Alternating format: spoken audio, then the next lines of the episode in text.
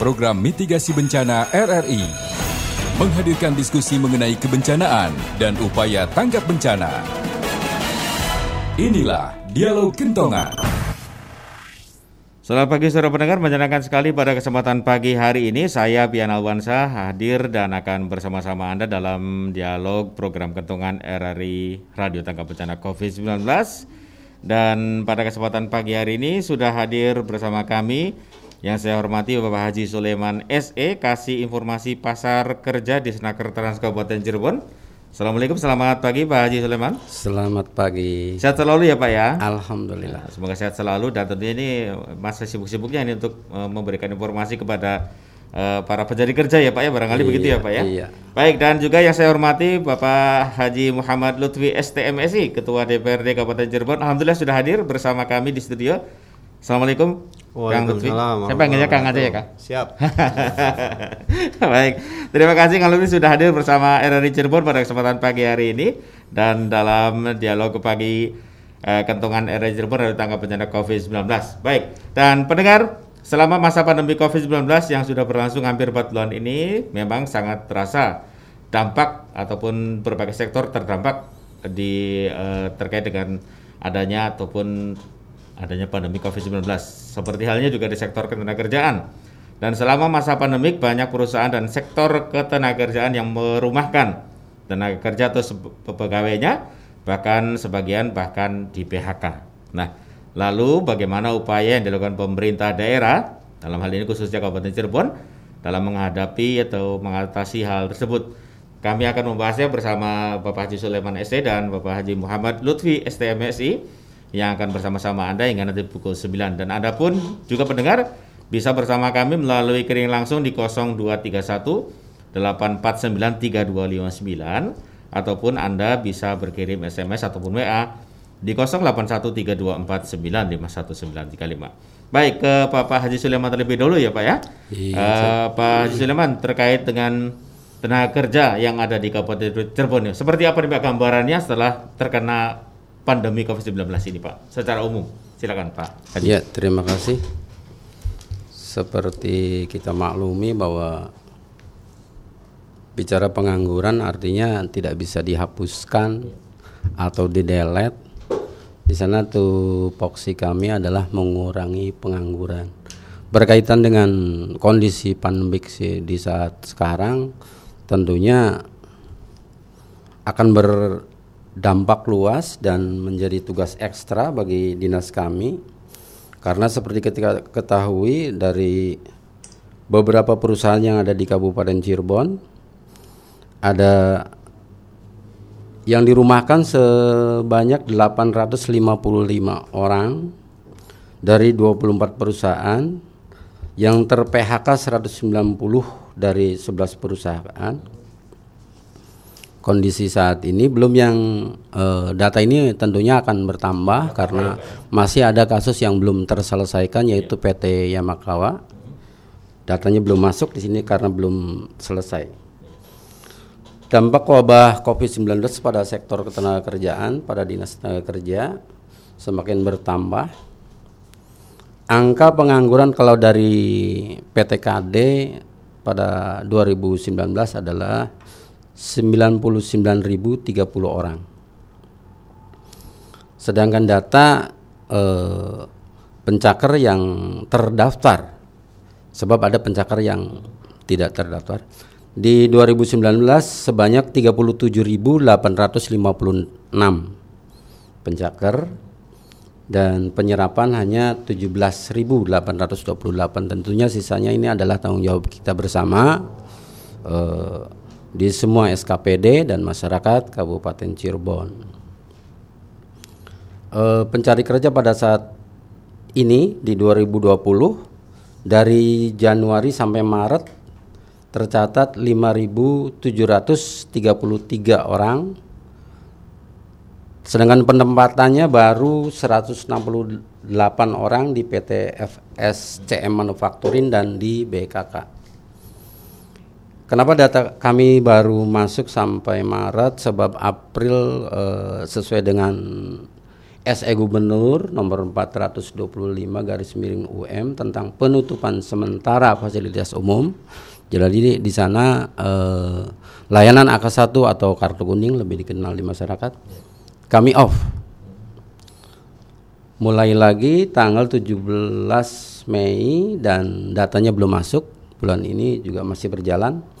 Itu setiap hari eh, kami batasi sampai 200 antrian Sebab kalau tidak dibatasi tentunya akan membludak.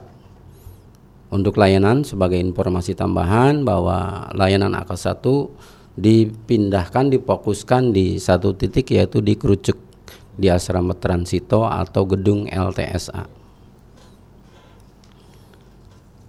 Informasi yang lain ada pekerja migran yang dipulangkan yaitu sebanyak 71 orang selama Covid pandemik ini.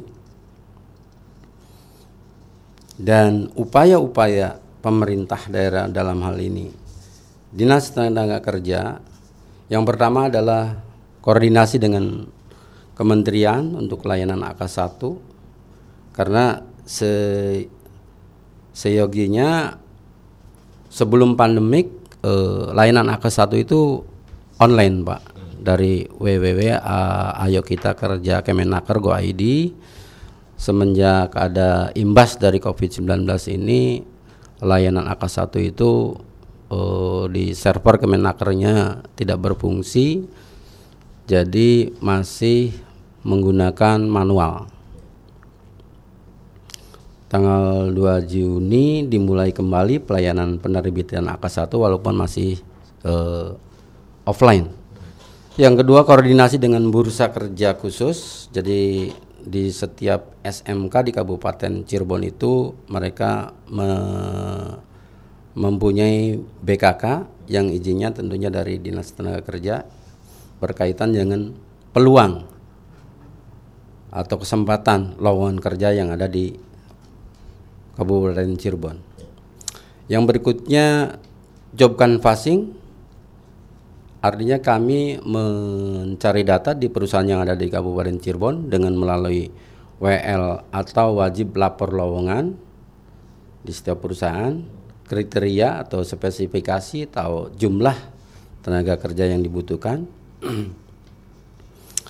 yang berikutnya eh, koordinasi dengan pihak provinsi melalui surat permohonan relaksasi dengan mengenai keputusan Menteri Ketenagakerjaan nomor 151 tahun 2020 tentang penghentian sementara penempatan tenaga kerja migran Indonesia.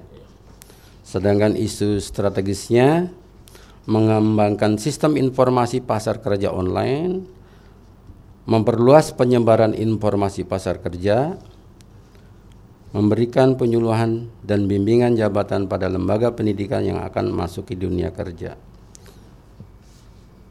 yang berikutnya perluasan kesempatan kerja melalui job canvassing, job fair, mekanisme antar kerja lokal serta antar daerah.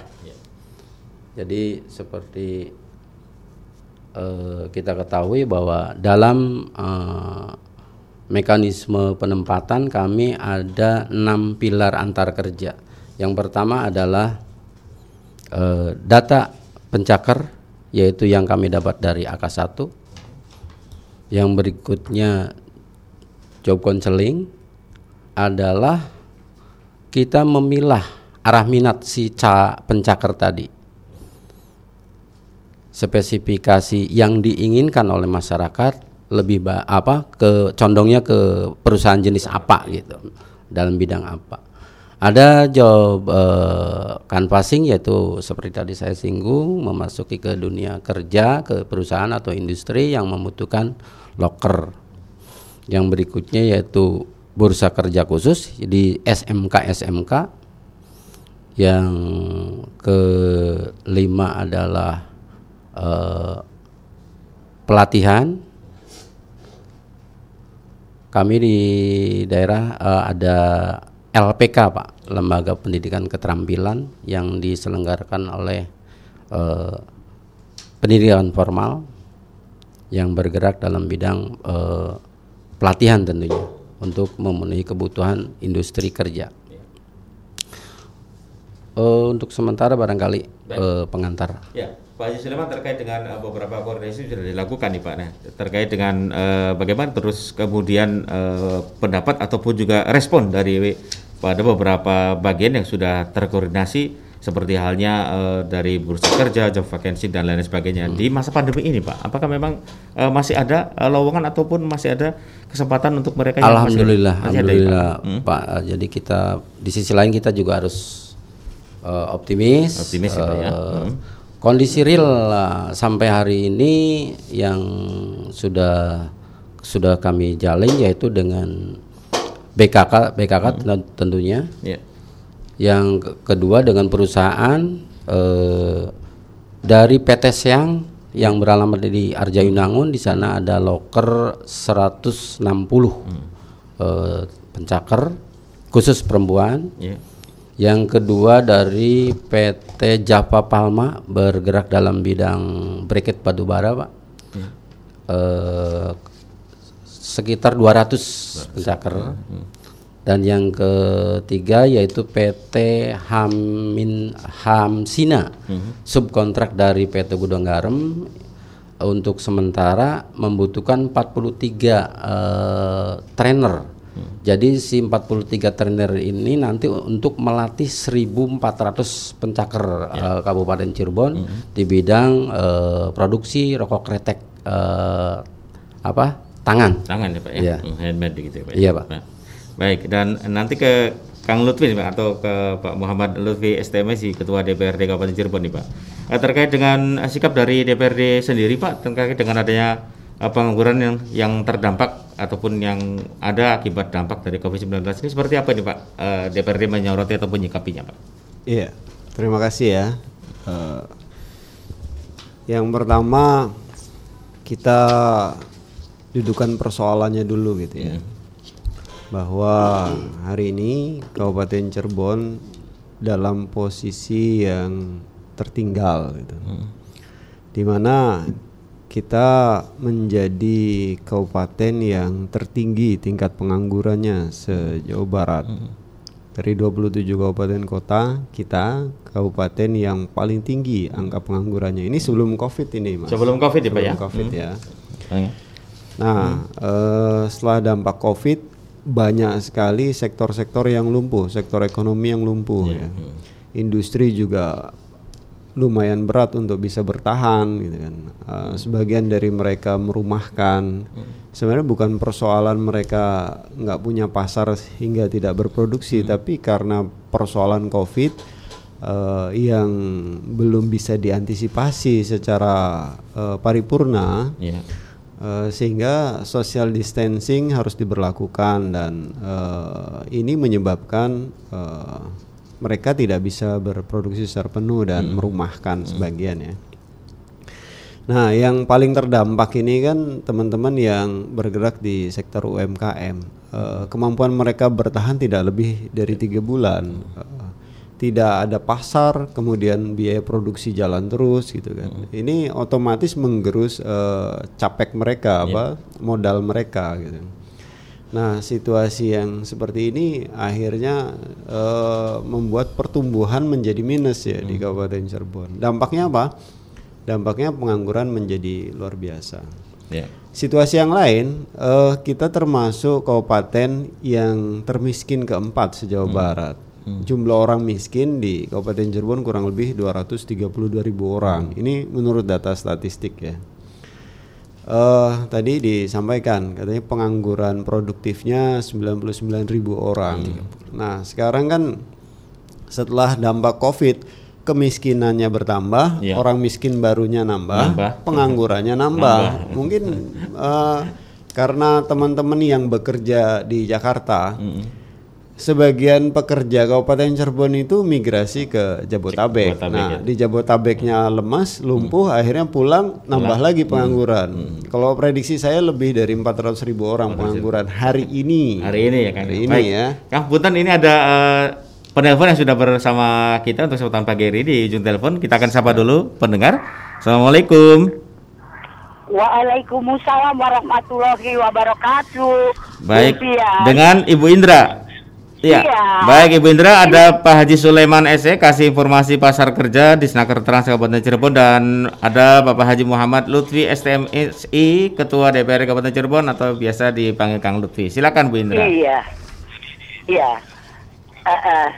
Assalamualaikum Pak. Waalaikumsalam. Waalaikumsalam. Iya. Memang eh, apa soal lapangan kerja ini soal yang klasik ya. Sebelum ada Covid. eh, pandemi pun sudah jadi masalah. Apalagi sekarang banyak yang eh, di PHK sehingga yang sudah kerja pun jadi tidak kerja. Iya. Nah, eh bagaimana kalau kalau eh di, digiatkan lagi untuk membuka usaha kerja sendiri gitu atau yang kita kenal dengan wira swasta. Jadi bukan bukannya dia bekerja untuk orang lain begitu. Jadi eh, ciptakan eh, apa lapangan kerja sendiri dengan berwira swasta itu.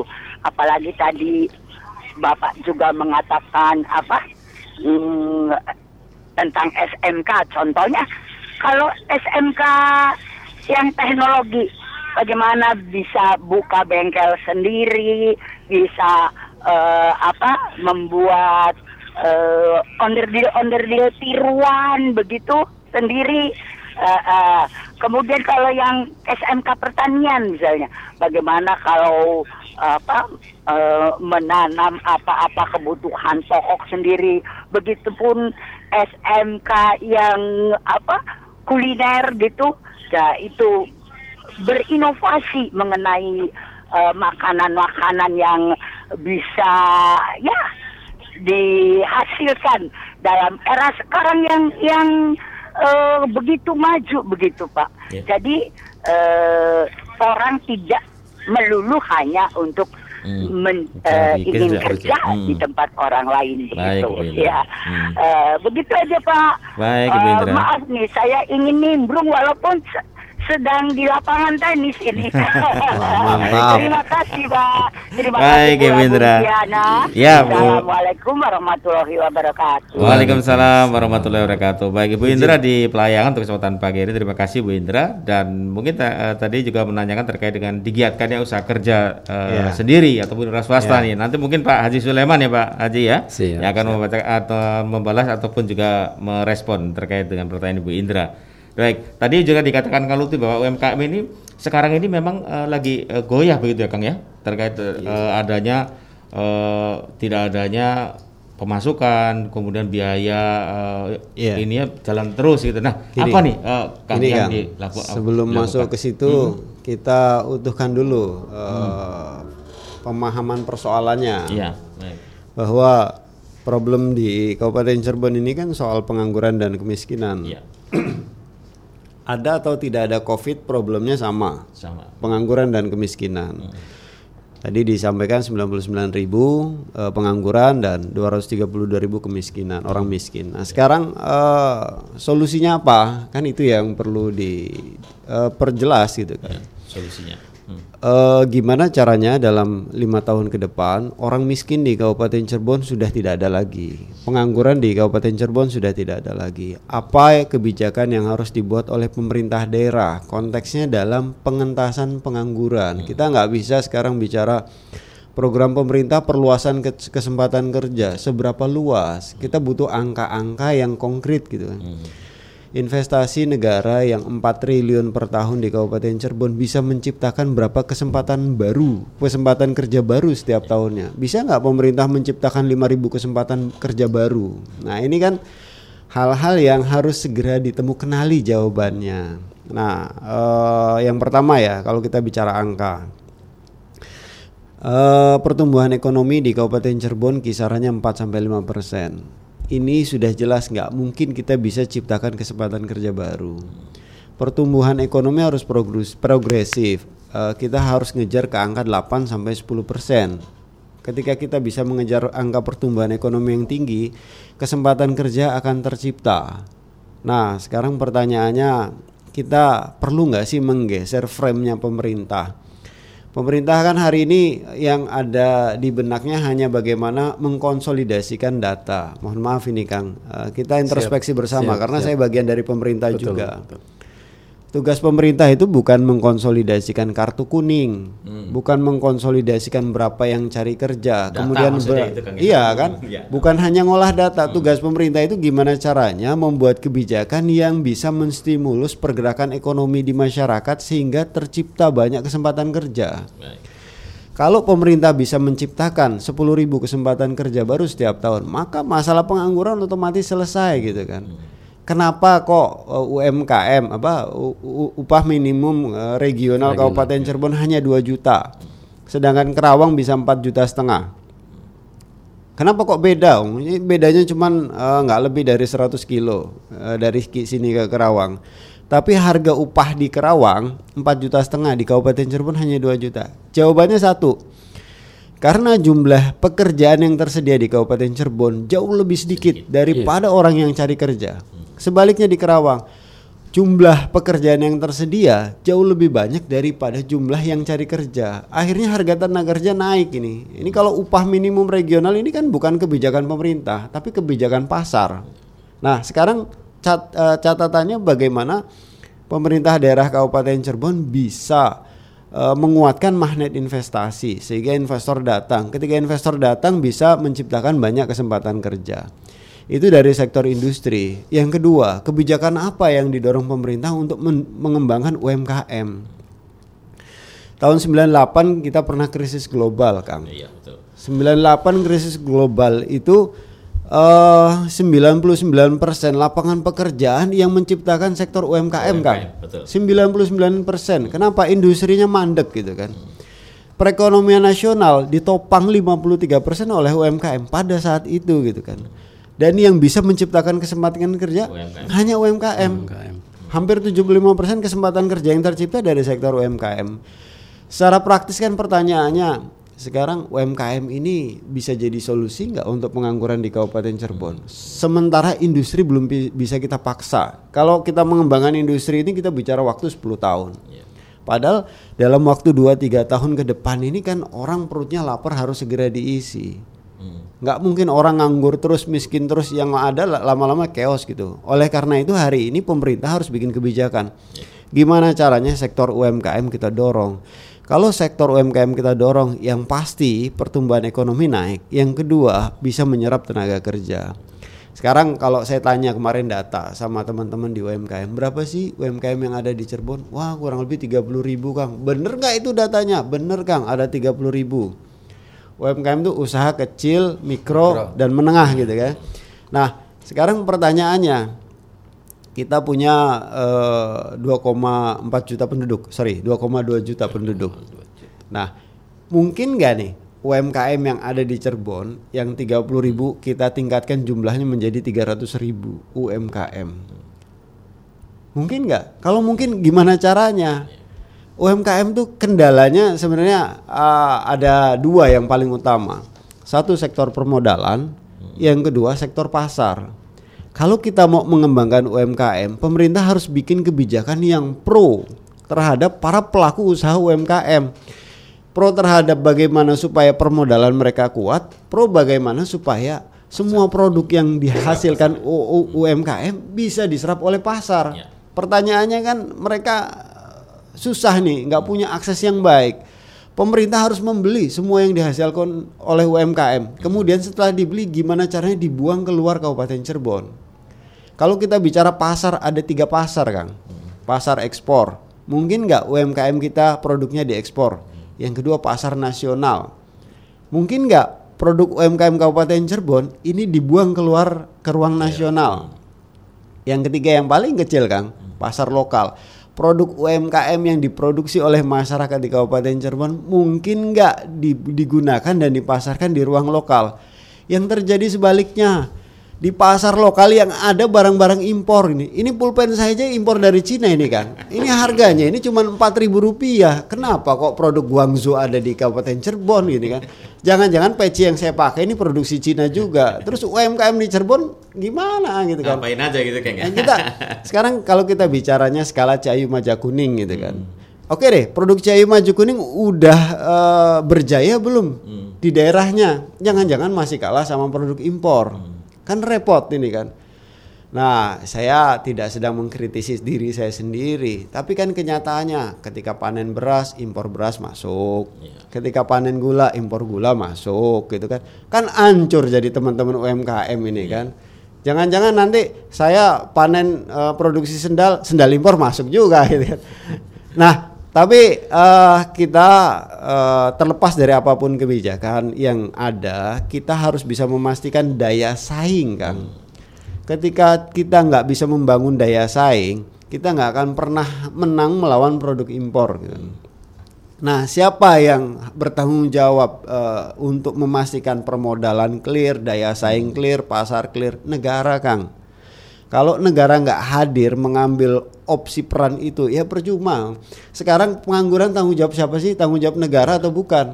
Apakah negara hanya bertanggung jawab mengkonsolidasi angka-angkanya saja kan enggak gitu kan? Kalau Kabupaten Cirebon mau maju, daya saing harus ditingkatkan, masyarakatnya harus dicerdaskan. Kemudian eh, pemerintah harus bisa memastikan UMKM bisa berkembang gitu kan.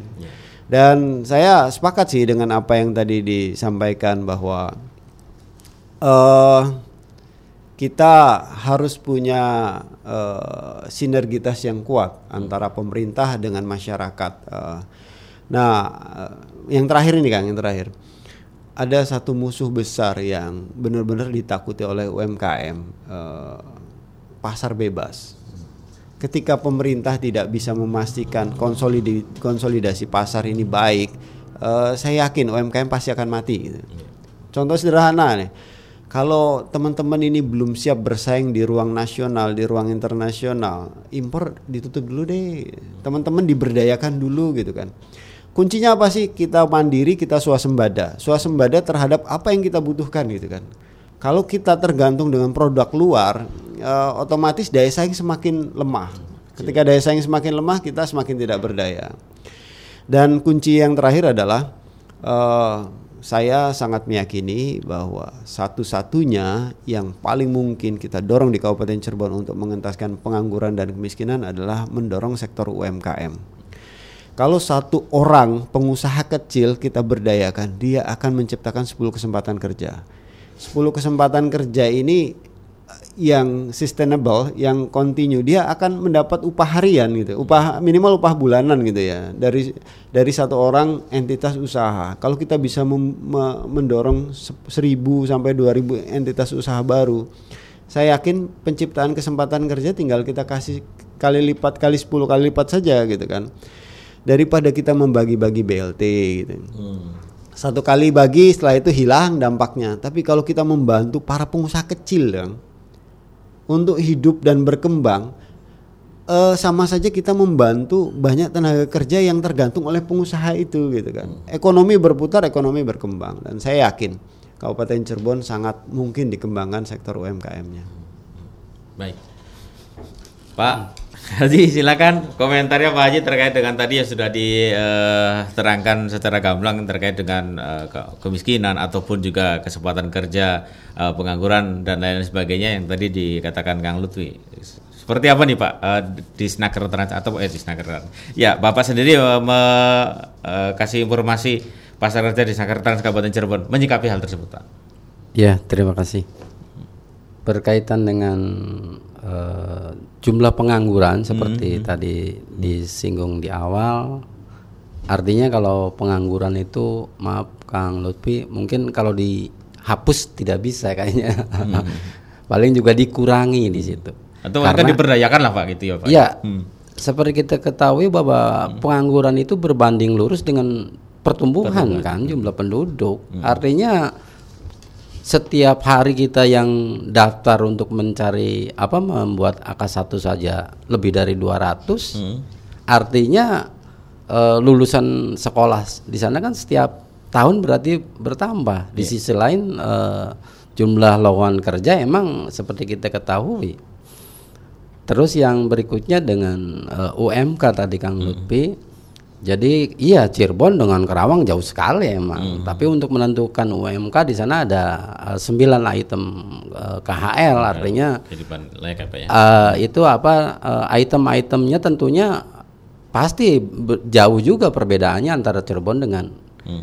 Kerawang misalnya misalnya dari harga eh, suatu ya kontrakan misalnya lah kalau yang tiga kali eh, tiga meter di Cirebon dengan di sana pasti jauh beda, beda, jadi ya, untuk kos eh, yang dikeluarkan oleh seorang eh, karyawan atau pegawai di sana pasti Jadi intinya sama ya Pak pengeluarannya begitu ya Pak? pengeluarannya di Hmm, situ Pengeluarannya sama.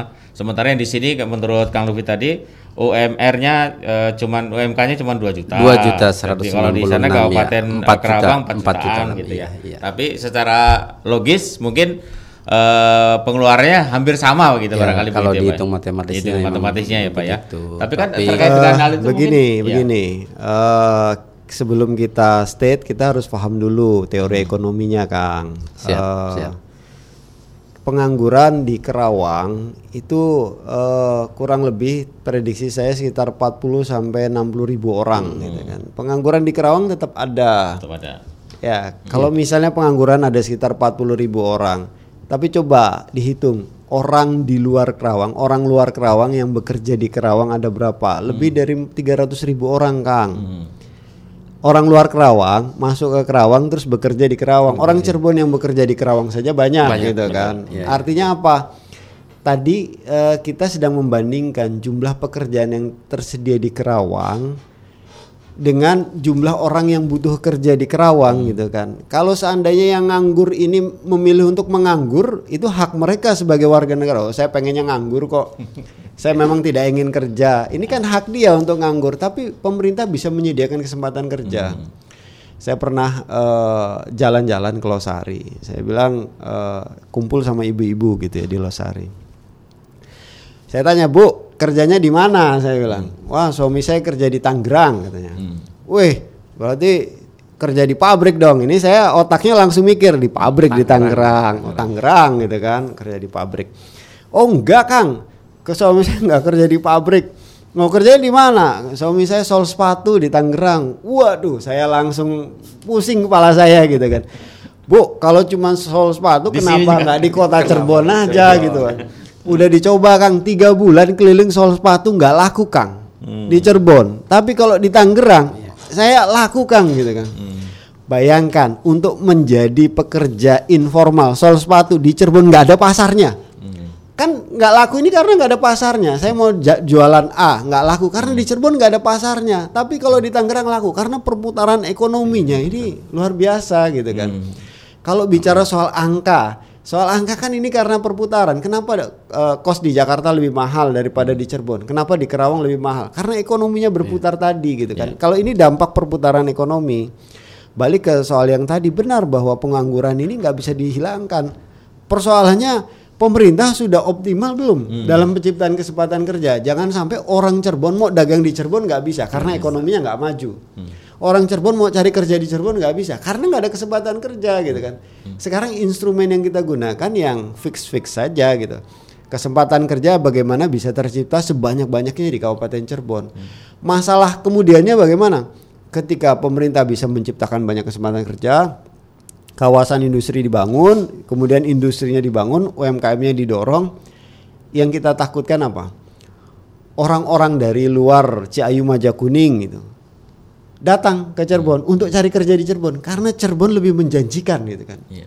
Bisa nggak nih Cirebon Raya Ciayu Majakuning dijadikan sebagai wilayah yang menjanjikan untuk kehidupan mereka di masa yang akan datang. Wah, lebih menarik nih tinggal di Cirebon karena ekonominya maju, jaminan kehidupannya baik dan lain sebagainya.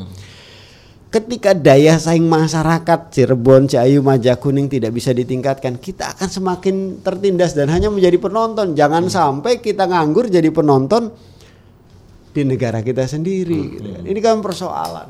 Ya, tapi sebenarnya kan eh, ada beberapa kesempatan ya Kang ya eh, terkait dengan pembukaan eh, perusahaan-perusahaan yang tadi Pak Sulaiman katakan bahwa ternyata ini juga eh, diharapkan bisa menyerap beberapa uh, tenaga kerja ataupun ratusan bahkan mungkin ribuan. Nah terkait dengan uh, tadi yang Kang Lutfi katakan kawasan industri perlu dibangun begitu untuk uh, Kabupaten Cirebon. Seperti apa nih Kang ke depannya?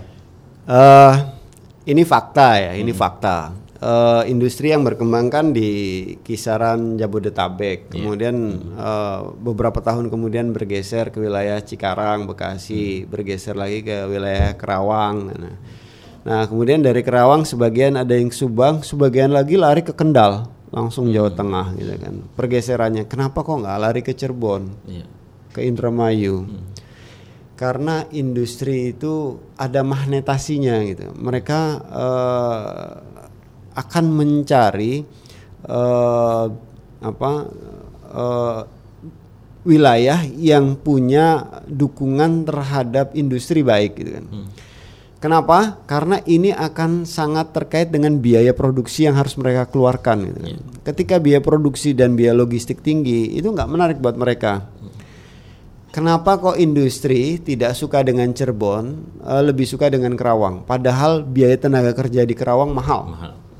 Hampir 4 juta setengah. Tapi lebih lebih lebih menurut mereka secara uh, utuh lebih murah berproduksi di Kerawang hmm. daripada di Cirebon. Hmm karena infrastruktur di Cirebon belum mendukung untuk industri. Biaya logistiknya mahal untuk memproduksi uh, misalnya satu satu jenis barang gitu. Hmm. Ternyata di produksi ini eh, uh, 20 produksi di Kerawang ini 20% lebih efisien daripada di Cirebon. Sehingga mereka memilih di luar Cirebon itu kan. Uh, sekarang tantangannya di mana? Tantangannya mampu nggak pemerintah menguatkan magnet investasi untuk industri. Yang pertama, regulasinya. Pemerintah Kabupaten Cirebon sudah menyiapkan regulasi yang memudahkan industri atau belum? Baru dari regulasinya saja nih. Ada industri tadi disebut apa? Uh, ha, Hamsina, Hamsina, Hamsina. Hamsina itu salah satu pabrik uh, uh, pabrik rokoknya Gundang Garam. Subkontrak. Pabrik pabrik rokoknya Gundang Garam. Hmm. Dia bisa menyerap ribuan tenaga kerja. Ya. Kalau seandainya uh, dipermudah saja perizinannya. Hmm.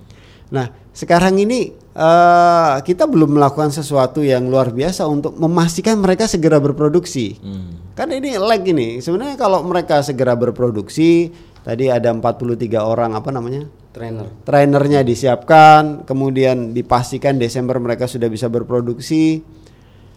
Otomatis penciptaan kesempatan kerja akan semakin cepat gitu kan. Hmm, betul. Pemerintah harus proaktif yeah. gitu. Pemerintah jangan menunggu. Ini satu contoh gitu kan. Contoh yang lain, balik ke soal kawasan industri. Kita udah siapkan belum sih soal infrastrukturnya, misalnya jalan lingkar industri kita siapkan uh, jalan yang langsung menghubungkan akses tol dari kawasan industri itu gitu kan. Kemudian kita permudah semua proses-proses bagaimana mereka uh, memperoleh fasilitas listrik, fasilitas air, fasilitas uh, transportasi dan lain sebagainya sehingga mereka tidak perlu mengeluarkan kos-kos yang tidak mereka perlukan gitu kan. Perizinannya lancar, membangun pabriknya juga mudah, tenaga kerjanya juga banyak. Ketika kita bisa bersaing untuk menggenjot investasi dibanding kabupaten-kabupaten yang lain, otomatis industri akan berkembang. Kalau industri berkembang, pasti tenaga kerjanya banyak gitu kan. Nah, ini tantangannya. Kalau pemerintah nggak memikirkan itu, nggak akan pernah selesai masalah ini. Gitu. Tadi disebutkan Kang Lutu bahwa perizinan mungkin dimudahkan gitu kan. Berarti dalam tanda kutip mungkin seperti apa perizinan di Kabupaten Cirebon sendiri, Pak? Ya kalau perizinan dari hmm. sisi lain emang ada di sana banyak kendala, hmm. Pak. Hmm. Artinya regulasi yang ada di daerah dengan uh, instansi vertikal di sana hmm. kadang ada ketidaksinkronan. Hmm. Itu uh, permasalahan dari sisi investor. Yeah seperti hmm. ya mudah-mudahan yang sekarang juga ini akan segera beroperasi hmm. PT Longreach di Kecamatan Pabadilan rencana untuk alas hmm. kaki dan sepatu Pak. E, pembahasan dokumen UKL UPL amdalnya sudah selesai bangunan sudah tinggal produksi itu sekitar 8.000 pencaker dia dibutuhkan di hmm. e, kaitannya dengan e, lowongan kerja yang dibutuhkan. Ya. Terus yang tadi untuk eh, eh, apa Kang Lutfi sampaikan tentang eh, warga Kabupaten Cirebon jangan sampai menjadi eh, Penonton ya? penonton. Artinya kalau kita regul- dari sisi regulasinya ada Perda nomor 11 2018 tentang investasi di sana eh, paling rendah itu 60% penduduk lokal harus diutamakan. Jadi untuk menyikapi antisipasi seperti tadi. Terus kaitannya dengan penanya tadi, Pak, Ya. yang Ibu Ibu Indra. Indra, Betul. ah, kaitannya yang dengan digiatkan usaha kerja sendiri atau wira swasta begitu Pak ya. Iya. Seperti apa nih Pak? Iya, iya. Dari sisi Disnaker kami Hmm. ada program teknologi tepat guna, Hmm. ada dismigratif, desa migrasi produktif. Ya. Artinya memberikan pelatihan-pelatihannya sifatnya seperti tadi mandiri, Hmm. usaha kerja mandiri. Di sisi lain juga kami punya UPT BLK yang di Plumbon di sana ada 11 jenis kejuruan untuk masyarakat yang berminat men- meningkatkan eh, taraf hidup artinya dari sisi eh, usaha kerja mandiri tadi. Ya. Hmm, Baik. Ini ada Pak Yana di Losari, tapi mungkin tadi sudah dijawab ya oleh eh, Kang Lutfi eh, mengatakan bahwa Cirebon Timur masih luas tanah-tanahnya, Kang. Eh, kenapa ma- masih belum dimanfaatkan secara maksimal tanah-tanah tersebut untuk membuat pabrik lah atau kawasan industri agar eh, para pekerjanya terserap semua dari Kabupaten Cirebon? Kang. Iya. tadi mungkin dari Jawa dan dari Segel ya, Kang ya. Sepakat Kang, Yana. Eh, yang pertama eh, pemerintah daerah harus segera menyusun green design sebenarnya. Terkait dengan eh, tata ruang yang akan eh, dilakukan kebijakannya dalam 10-20 tahun ke depan. Di mana ya wilayah mana yang akan kita kembangkan untuk sektor industri, wilayah mana yang kita dorong untuk pengembangan sektor pertanian eh, dan ada lagi satu lagi kan di luar wilayah timur. Kita ini punya bibir pantai yang panjang. Dari Kapetakan sampai ujung Losari itu panjangnya kurang lebih 73 km persegi. Tapi hari ini kita benar-benar tidak pernah berpikir eh, tentang bagaimana mengoptimalkan potensi laut gitu kan. Seolah-olah kita membakang, membelakangi laut itu. ini ini kan cara pandang yang salah gitu kan. Kalau sektor maritim itu kita genjot, kita kembangkan, saya yakin ini juga akan bisa memberikan dampak ekonomi yang luar biasa untuk masyarakat. Kalau kita mau berhitung, berapa sih eh, masyarakat eh, Kabupaten Cirebon dari yang jumlahnya 2,2 juta itu yang eh, ikut aktif eh, terlibat dalam sektor kelautan dan perikanan atau industri eh, pasca panen perikanan kan sedikit sekali gitu jumlahnya sedikit sekali. Kenapa? Karena kita nggak pernah mengembangkan sektor itu. Kalau pemerintah punya kebijakan yang jelas tentang sektor eh, kelautan dan perikanan, kemudian ujungnya nanti ada beberapa industri perikanan, kemudian kita buka pasarnya keluar Cirebon, kita tarik investasi di ruang eh, kelautan perikanan, saya yakin masyarakat akan banyak mendapatkan manfaat secara ekonomi gitu kan. Jadi eh balik ke soal yang tadi bahwa kita perlu membuat satu desain yang paripurna tentang pengembangan Kabupaten Cirebon dan saya lebih eh, sepakat tentang pengembangan Ciayu Majakuning karena kalau Cirebon kan pasarnya hanya 2 juta. Kalau Ciayu Majakuning ini kurang lebih 8 juta. Skala ekonominya masuk gitu kan. Cirebon nggak punya gunung, ada Kuningan, ada Majalengka, punya kaki gunung gitu kan. Eh, Kuningan Majalengka nggak punya laut, ada Indramayu sama Kabupaten Cirebon punya laut. Ini satu skala ekonomi yang yang menurut saya luar biasa. Saya berpikir kalau ada skema pembangunan yang utuh, Cirebon Raya ini nanti akan melewati Semarang dalam 10 tahun ke depan. Nah, sekarang bagaimana kita bisa memastikan dari setiap sektor yang ada di eh, wilayah Cirebon ini kita dorong terus sumber daya manusianya kita kuatkan, soft skillnya kita perbaiki.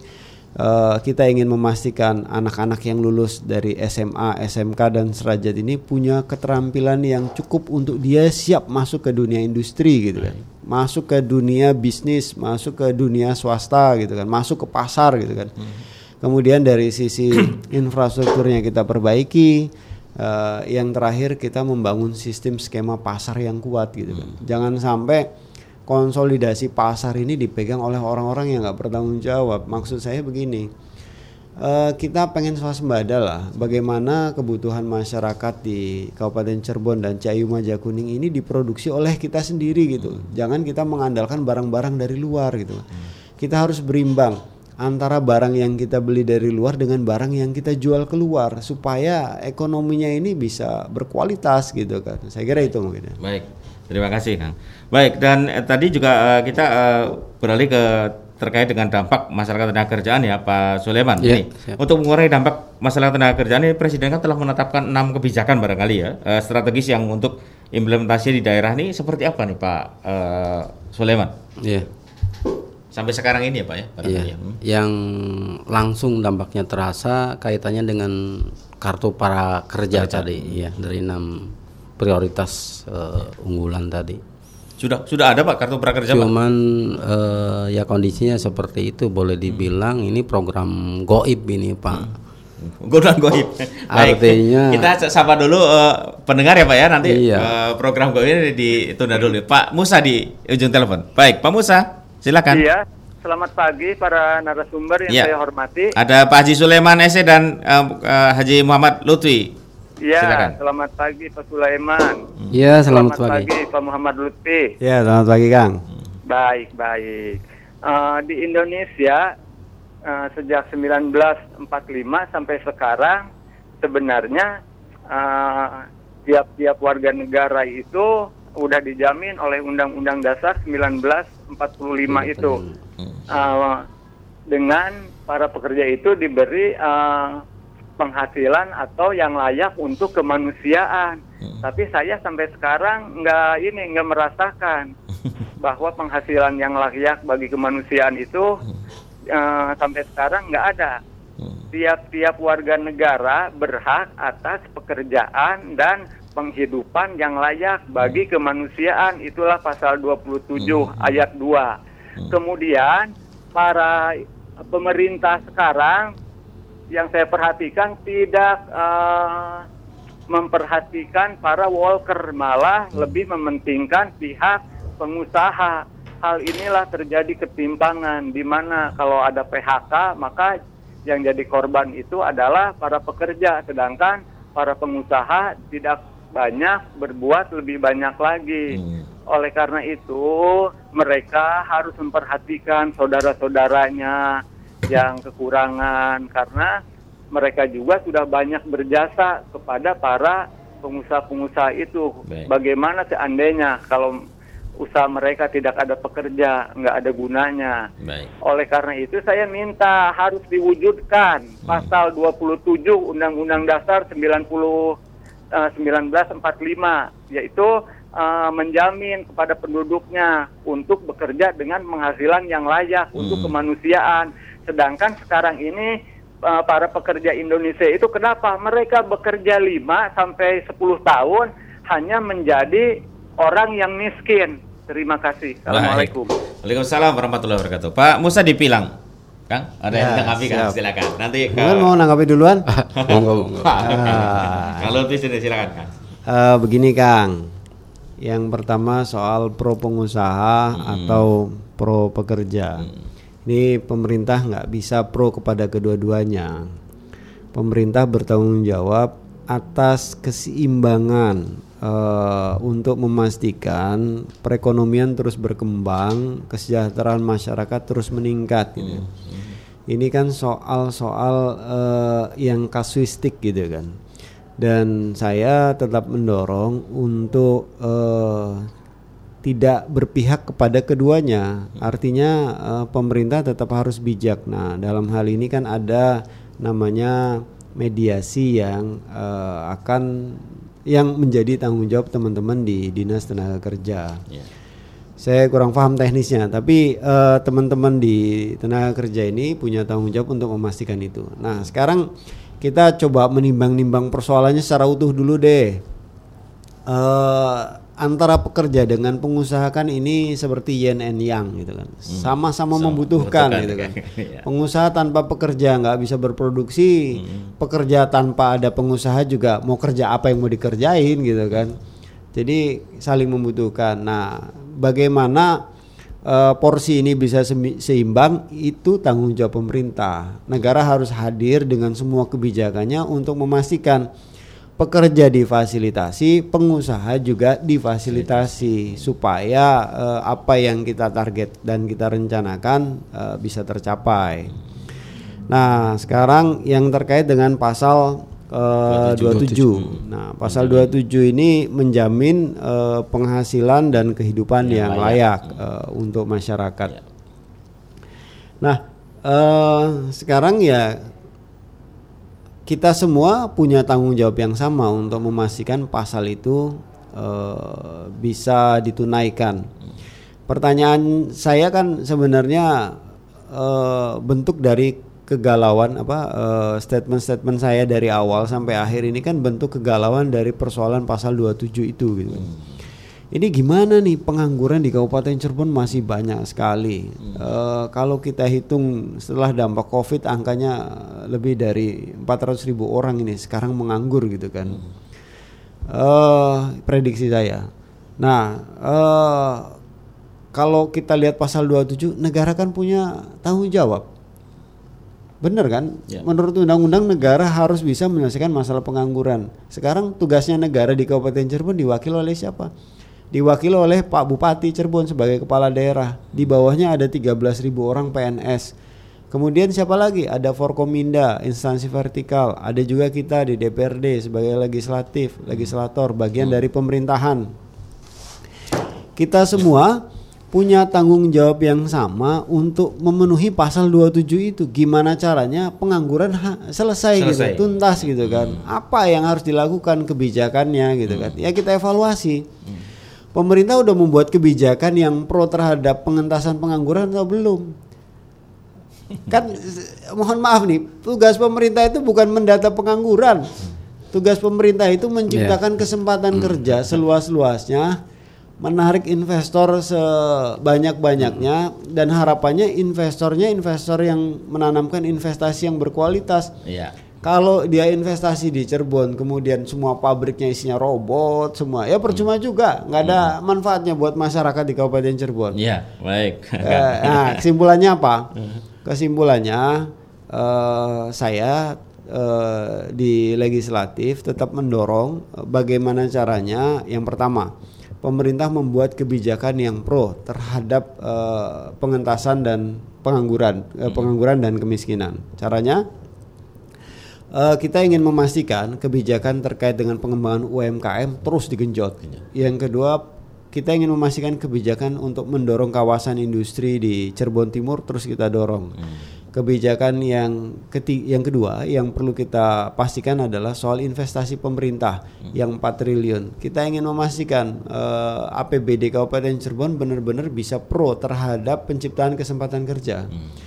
Kalau APBD nggak ada kaitannya sama penciptaan kesempatan kerja, percuma ngapain kita ketok gitu kan? Iya.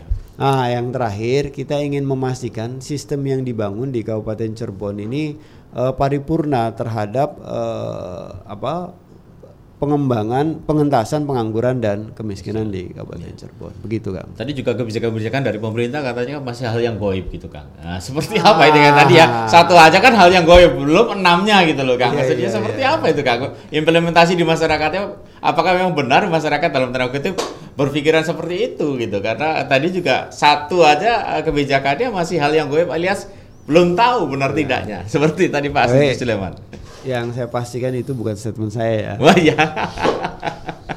Baik, Pak Sulaiman.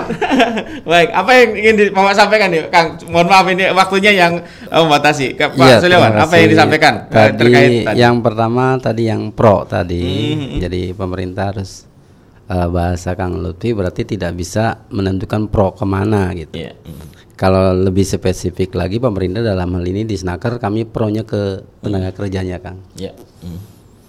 Jadi eh, seber- eh, seperti ilustrasi tadi yen dan yang tadi emang le- yang lebih mengemu- mengemuka adalah bahwa kita membutuhkan pekerjaan. Padahal adalah investor sendiri juga butuh tenaga kerja. baik, Cuman makanya perlakuan di lapangan di sana eh, si penca apa si karyawan atau pegawai tadi dia eh, hak-hak yang harus di didapatkan oleh dia kadang-kadang diabaikan. Tapi karena alasannya dia butuh pekerjaan, dia tidak eh, menyampaikan permasalahan tadi. Seperti contoh yang real aja, misalkan jam kerja itu kan eh, harus 8 jam dalam satu hari. Lebih dari 8 jam berarti kan harus dihitung lembur. Nah, satu jam satu hari kali sekian rupiah kali satu bulan itu kan hak mereka. Baik. Hal-hal yang sepele, Pak. Padahal kalau kita eh, cermati itu besar eh, pengaruhnya itu tidak disampaikan. Pak Sulaiman, eh, terkait tadi implementasi implementasi kebijakan pemerintah dari pusat mungkin ke daerah nih eh, seperti apa? Singkatnya saja, Pak. Ya contoh real ka- kami di di Snaker gitu. Kemarin kan ada eh, eh, apa enam eh, Kebijakan ya. kebijakan yang unggulan salah satunya pe- regulasi kartu prakerja. Awalnya ya nomenklaturnya juga kartu prakerja, berarti kan peruntukannya untuk eh, yang mau kerja. Ya, baik. Tapi di tengah perjalanan eh, kaitannya dengan pandemik tadi diprioritaskan pada eh, dampak Covid dengan eh, regulasi yang tidak ada, mekanisme di ke bawah. Dan karena ini eh, adalah program pusat kan dari kementerian. Ya. Hmm. Eh, delegasi ke daerahnya tidak ada Tidak bentuk ada ya, bentuk eh, surat edaran atau apalagi juklak juknis. Jadi sedangkan masyarakat Kabupaten Cirebon tahunya kalau bicara prakerja ya berarti kan disnaker. Snaker ya. Tahunya itu. Iya. Namanya ke- Kang, Kang Luti, senyum senyum saja nih, Kang. Sekaligus closing statement ya, Kang ya. Silakan, Kang. Jadi memang ada eh, sesuatu yang belum sinkron di Belum atas. sinkron ya. Sinergitasnya belum sinkron gitu ya, Kang ya. Barangkali. Peran peran apa terkait dengan kartu prakerja ini kan lebih eh, dominan di Kementerian Koordinator Kesejahteraan Rakyat, Iya. tapi bukan di di Snaker Kemenaker Nah, harusnya di Nah, Kemenaker. pelaksanaan di di di bawahnya oleh PMO karena Kementerian Kesehatan Rakyat kan nggak punya struktur sampai ke bawah. Baik. Nah, PMO ini sesuatu yang dikrit baru dan tingkat kesiapannya tidak belum terlalu memadai. Akhirnya prosesnya panjang. Baik. Kalau saya secara personal lebih merekomendasikan teman-teman di Snaker untuk mengimplementasikan itu. Tapi closing statement saya kita harus menjawab tantangan bagaimana pengangguran dan kemiskinan selesai. Caranya bagaimana? UMKM kita dorong, sektor industri kita kembangkan, kemudian negara harus memastikan semua regulasi yang terkait itu benar-benar pro terhadap mereka. Baik. Pak Haji silakan Haji Sulaiman terkait UMKM. Ini sekaligus juga sebagai eh, closing penutup untuk eh, memberikan jawaban yang real untuk mengurangi eh, pengangguran, angka pengangguran di Kabupaten Cirebon khususnya. Pak Ya, Haji, silakan, Pak Haji. Untuk kaitannya dengan UAM, kita bersama-sama masyarakat Kabupaten Cirebon menyikapinya dengan seperti tadi usulan Ibu Indri tadi tidak ketergantungan pada lowongan kerja Baik. apalagi situasinya kondisi pandemi Kondisi jangankan lowongan kerja Lowongan yang kerja. sudah kerja saja pada di Pada PHK pecat, ya, baik. ada 191 sekian Baik. Hmm. eh, yang sekaligus sebagai closing statement saya untuk para pencaker lengkapi diri Anda dengan AK1 atau kartu kuning Baik. seperti eh, yang teman-teman yang sudah lakukan tidak ada eh, kesulitan dan tidak ada biaya gratis di Baik. Snaker Kabupaten Cirebon. Baik, terima kasih Pak Haji Muhammad Lutfi STMSI, Ketua DPRD Kabupaten Cirebon yang sudah berkenan hadir di RRI Cirebon. Kang, terima kasih dan Pak Haji Sulaiman SE kasih informasi pasar kerja di Senaker Tanah Kabupaten Cirebon yang sudah berkenan hadir di RRI Cirebon pada kesempatan pagi ini. Terima kasih Pak Haji dan terima kasih juga buat pendengar yang sudah berinteraksi bersama kami dan kami akhiri dialog eh, program kentongan RRI Radio Tangga Bencana COVID-19. Anda baru saja mendengarkan program mitigasi bencana RRI menghadirkan diskusi mengenai kebencanaan dan upaya tanggap bencana. Dialog Kentongan.